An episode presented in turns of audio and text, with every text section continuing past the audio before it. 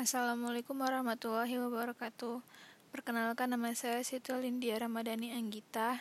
NIM saya 4132101045. Saya dari kelas uh, LPI 1B pagi. Di sini saya akan membahas tentang contoh uh, isu kontemporer tentang ketahanan nasional.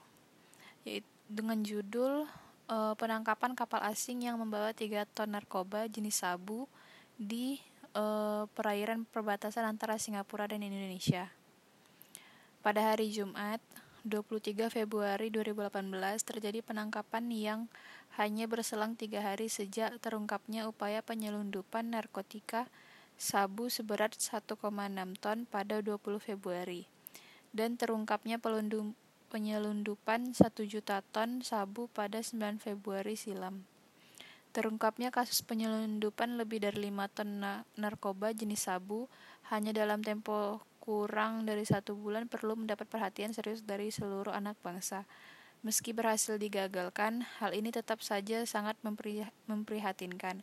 Itu artinya Indonesia merupakan pasar narkoba yang sangat besar.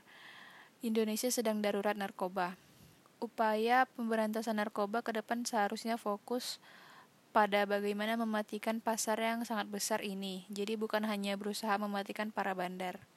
Pemerintah harus merangkul organisasi-organisasi keagamaan, kepemudaan, dan memanfaatkan semua lembaga pendidikan pada seluruh jenjang untuk melakukan upaya pendidikan, pencegahan, dan penanggulangan masalah narkoba.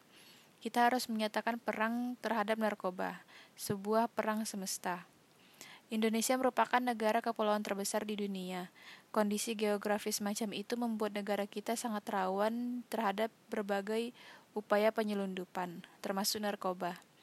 Itu sebabnya negara harus menguasai sepenuhnya infrastruktur vital seperti bandara dan pelabuhan, karena keduanya merupakan pintu gerbang penting yang menjadi salah satu perbatasan kita dengan dunia luar. Maka saya mengkritik uh, keras pemerintah ter terkait upaya privatisasi bandara dan pelabuhan. Bandara dan pelabuhan adalah bagian dari infrastruktur pertahanan dan keamanan negara.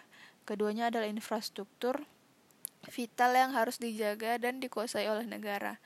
Tidak boleh hanya karena alasan ekonomi, remeh-remeh, pengula pengolahannya kemudian diserahkan kepada swasta. Terungkapnya pem upaya penyelundupan narkoba lebih dari 5 ton di wilayah perbatasan ini menurut saya harus dijadikan catatan penting uh, mengenai bagaimana kita harus menjaga wilayah perbatasan dan seluruh pintu gerbang negara ini. Sekian dari saya, mohon maaf bila ada kesalahan. Wassalamualaikum warahmatullahi wabarakatuh.